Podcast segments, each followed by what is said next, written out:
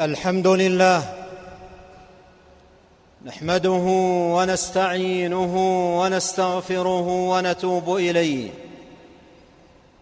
ونعوذ بالله من شرور أنفسنا وسيئات أعمالنا من يهده الله فلا مضل له ومن يضلل فلا هادي له وأشهد أن لا إله إلا الله وحده لا شريك له وأشهد أن محمدا عبده ورسوله وصفيه وخليله وأمينه على وحيه ومبلغ الناس شرعه فصلوات الله وسلامه عليه وعلى آله وصحبه أجمعين.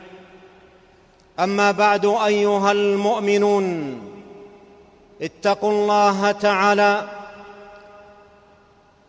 وراقبوه في سركم وعلانيتكم مراقبة من يعلم أن ربه يسمعه ويراه. يا أيها الذين آمنوا اتقوا الله وقولوا قولا سديدا. يصلح لكم أعمالكم ويغفر لكم ذنوبكم ومن يطع الله ورسوله فقد فاز فوزا عظيما. أيها المؤمنون عبودية عظيم شأنها جليل أمرها كبير خطبها جدير بكل مسلم أن تعظم عنايته بها ففيها بر الأمان وسبيل النجاة وتحقق السعادة في الدنيا والآخرة. إنها يا معاشر العباد عبودية الفرار إلى الله جل في علاه. كما قال الله تبارك وتعالى في سورة الذاريات ففروا إلى الله إني لكم منه نذير مبين. ما أعظم شأن هذه العبودية وما أعظم عوائدها وفوائدها على الفارين إلى الله. أيها المؤمنون والناس في هذا الباب على قسمين سعداء وأشقياء. فأما السعداء فهم الفارون إلى الله طالبون بفرارهم إليه سعادتهم وفوزهم وفلاحهم في الدنيا والآخرة. وأما الأشقياء فهم الفارون من الله لا إلى الله. وهذا سبيل شقاء وهلاك في الدنيا والآخرة. أيها المؤمنون الفرار إلى الله جل وعلا يتطلب إلى مهروب منه وإلى مهروب إليه. وفي الآية ذكر للمهروب إليه جل في علاه ففروا إلى الله. ولم يذكر فيها المهروب منه. وذلك ليتناول كل قاطع وعائق وحائل بين العبد وبين الفرار إلى الله والوصول إلى رضاه جل في علاه. أيها المؤمنون وهذا الفرار إلى الله عز وجل يتطلب من الفار إلى الله أمورا ثلاثة يحققها علما وعملا. الأمر الأول معرفة من يفر إليه وهو الله العظيم جل في علاه. معرفة بأسمائه وصفاته وعظمته وجلاله وكماله وعظيم اقتداره جل في علاه وشدة بطشه وانتقامه سبحانه وتعالى. وكلما عظمت معرفة العبد بالله ازداد فراره إليه جل في علاه.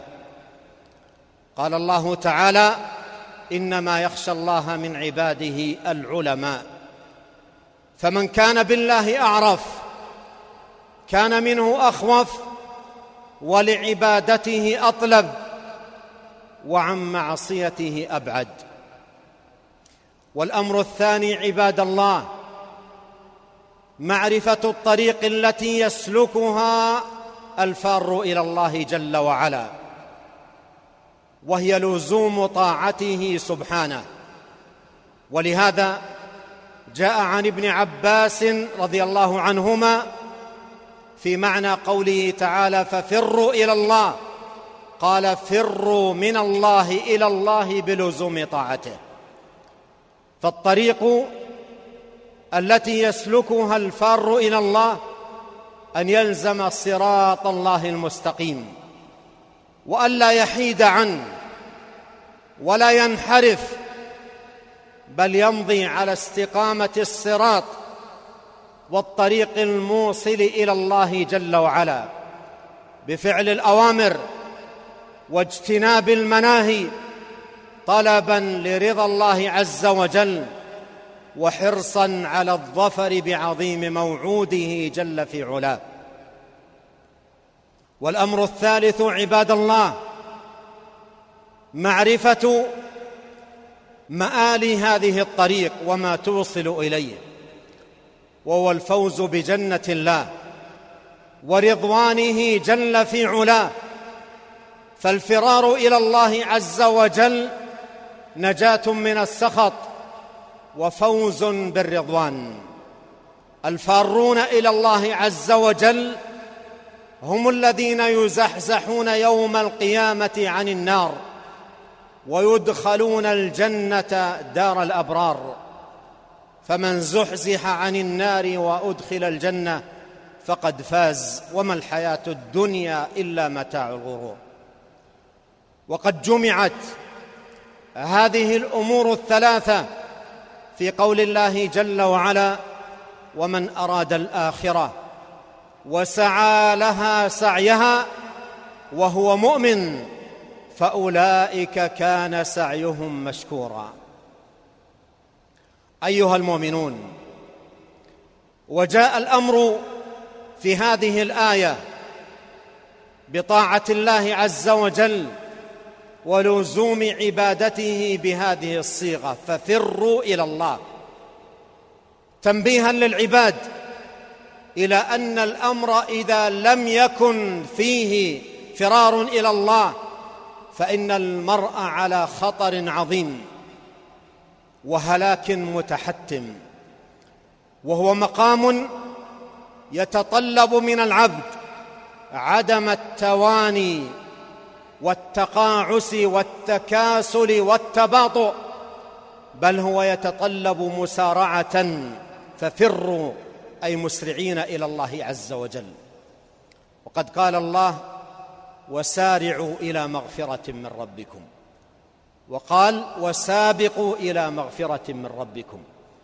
فالمقام لا يحتمل التواني والتباطؤ والتسويف وإنما يتطلب مسارعة كما هو واضح في قوله ففروا إلى الله. ومن أعظم ما يعين على هذا الفرار إلى الله عز وجل أن تتأمل الآيات التي تسبق هذه الآية في سورة الذاريات. حيث ذكر جل وعلا قبلها ما أحله بالفارين من الله من أنواع المثلات وصنوف العقوبات وما ذكره قبلها أيضا من آياته العظيمة ومخلوقاته الجسيمة الدالة على عظمته وكمال اقتداره فختمها بقوله لعلكم تذكرون ففروا إلى الله. نسأل الله عز وجل بأسمائه الحسنى وصفاته العليا أن يرزقنا أجمعين حسن الفرار إليه وأن يوفقنا لسلوك سبيله الذي يرضيه. وأن يعيذنا من شرور أنفسنا وسيئات أعمالنا. إنه تبارك وتعالى سميع قريب مجيب.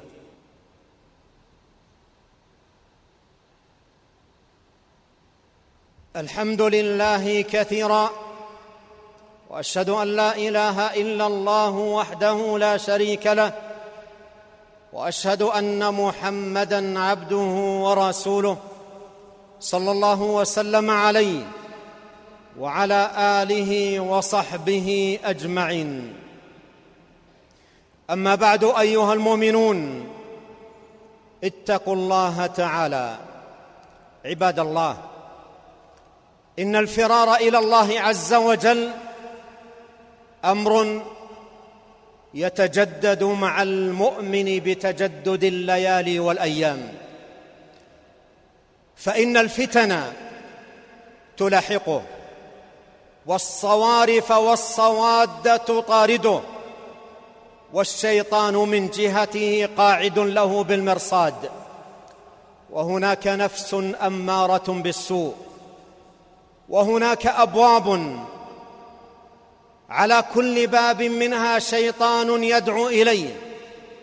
فالمقام مقام عظيم جدا يحتاج من العبد المؤمن صادق الإيمان أن يحسن الفرار إلى الله الرحمن طالبا بفراره إلى الله عز وجل أن يخرج من هذه الحياة الدنيا.